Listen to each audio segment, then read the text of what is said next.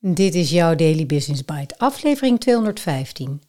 Goed voorbeeld doet goed volgen? Niet per se, zegt dit onderzoek over ethisch leiderschap. Door Herwin Tolen op MT Sprout. Ethisch leiderschap. Dat leek me een lekker onderwerp om na deze break van twee weken mee te starten. Deze tijd in Panama en met mijn jongste dochter doorbrengen was een van de betere besluiten die ik zo eens heb genomen.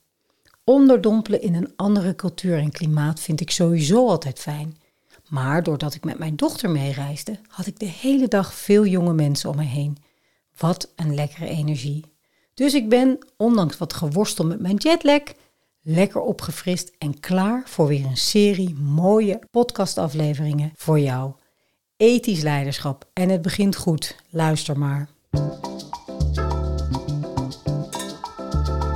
Je luistert naar Daily Business Bites met Marja Den Braber, waarin ze voor jou de beste artikelen over persoonlijke ontwikkeling en ondernemen selecteert en voorleest. Elke dag in minder dan 10 minuten.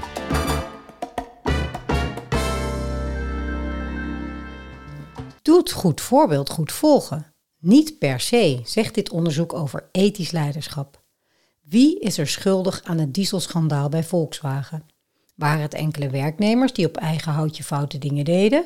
Of heeft het management een cultuur gecreëerd waarin dit soort praktijken acceptabel waren? Met die vraag beginnen wetenschappers Mario Daniele Amore, Ursula Carofalo en Alice Guerra hun paper. Het drietal onderzocht hoe leiders ethisch gedrag binnen organisaties beïnvloeden. Hun bevindingen zijn in februari 2022 gepubliceerd in het Journal of Business Ethics. Het blijkt lastig om onderzoek te doen naar onethisch gedrag van leidinggevenden. Discutabele beslissingen vinden doorgaans plaats achter gesloten deuren en zijn moeilijk om te meten. Uit eerdere studies blijkt wel dat de ethische leiders een positieve invloed hebben op de cultuur van een organisatie. Daarbij is vooral gekeken naar hoe werknemers kijken naar de top en welke uitwerking dat heeft op individueel gedrag. Het experiment van de drie onderzoekers probeert een directe link te vinden hoe beïnvloedt de keuze van een leider het gedrag van ondergeschikten? Het dobbelexperiment. De kern van het experiment draait om het gooien van een dobbelsteen.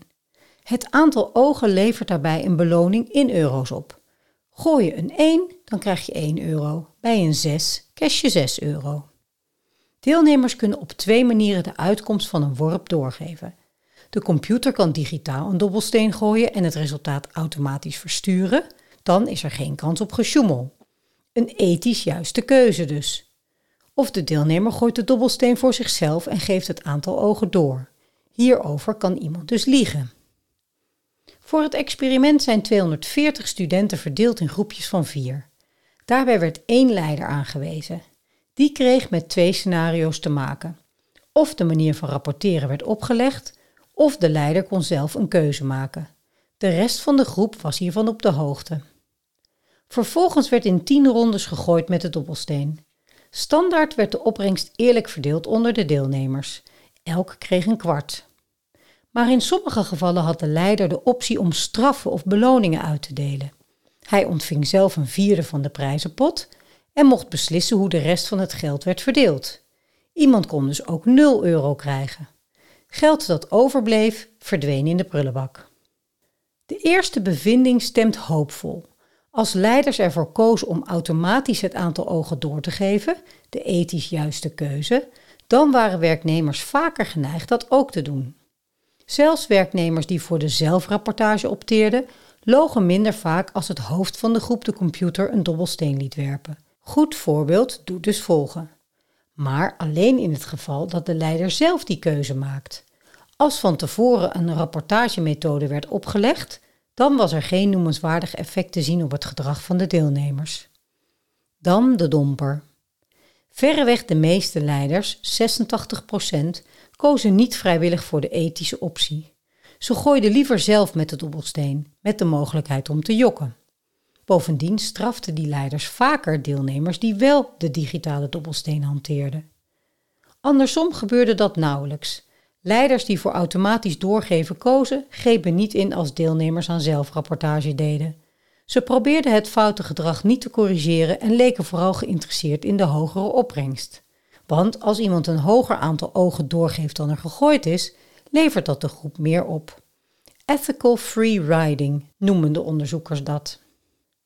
Natuurlijk hoeft een dobbel-experiment met studenten niet meteen iets te zeggen over de praktijk in het bedrijfsleven. Daar zijn de onderzoekers zich van bewust. Toch blijkt uit eerdere studies dat dergelijke proeven een redelijk betrouwbaar beeld geven. Leiders hebben een belangrijke rol om ethisch gedrag binnen organisaties te stimuleren, concluderen de wetenschappers. Een manager of bestuurder die zelf laat zien welk gedrag gewenst is, krijgt vaak navolging.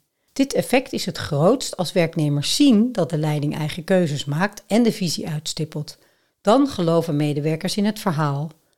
Wordt verandering opgelegd van buitenaf door bijvoorbeeld wetgeving, dan zijn werknemers minder geneigd om erin mee te gaan. De onderzoekers raden dan ook aan om leiders binnen organisaties de ruimte te geven hun boodschap uit te dragen. Nog mooier zou zijn als leiders de macht hebben om met financiële prikkels gedrag te sturen. Dan is het wel zaak om de juiste personen te vinden. Want de belangrijkste drijfveer van veel leiders is winstmaximalisatie, al dus de studie. Zelfs als daar onethisch gedrag bij komt kijken. Ze voelen niet noodzakelijk de drang om het goede voorbeeld te geven. Sterker nog, ze kunnen zelfs werknemers straffen die de ethisch juiste keuze maken. Het goede voorbeeld geven werkt in dit geval averechts.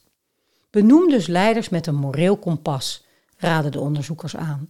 Een voorbeeld is de Noorse energiereus Statoil, dat tegenwoordig Equinor heet. Net na de eeuwwisseling kwam een omvangrijk omkoopschandaal aan het licht bij het bedrijf. Statoil had steekpenningen betaald om lucratieve contracten in Iran binnen te slepen. De nieuwe CEO Helge Lund maakte schoon schip. Hij besloot dat alle betalingen van Statoil aan buitenlandse overheden voortaan openbaar zouden zijn. Volgens de onderzoekers een duidelijk signaal aan de werknemers. Transparantie staat voorop. Daar kan Volkswagen nog iets van leren. Daily Business Bites met Marja Den Braber. Je luisterde naar Goed voorbeeld doet volgen door Herwin Tolen. Zo, dit artikel kwam al even binnen bij mij. Blijkbaar een belangrijk onderwerp. Voor mij, maar ook zeker binnen teams. Ik begeleid vaak teams die grote en complexe projecten uitvoeren, waar veel verschillende partijen en ook heel veel verschillende grote belangen bij komen kijken. Commerciële partijen in combinatie met de overheid ook vaak. Ervaringen waarbij partijen soms echt de bietenbrug op zijn gegaan, financieel gezien. BAM bijvoorbeeld neemt geen grote infraprojecten van meer dan 150 miljoen meer aan. En meerdere bouwers zijn minder happig op dit soort projecten. Rijkswaterstaat heeft net twee hele grote contracten voor de A27 in twee fase contracten aanbesteed. Om de grote risico's samen beter te kunnen inschatten. Het doel is om eerlijk werk voor een eerlijke prijs te realiseren. Geen gemakkelijke klus, maar hopelijk zal het oneerlijk of onethisch gedrag toch meer voorkomen. We zijn weer gestart en ik spreek je graag morgen.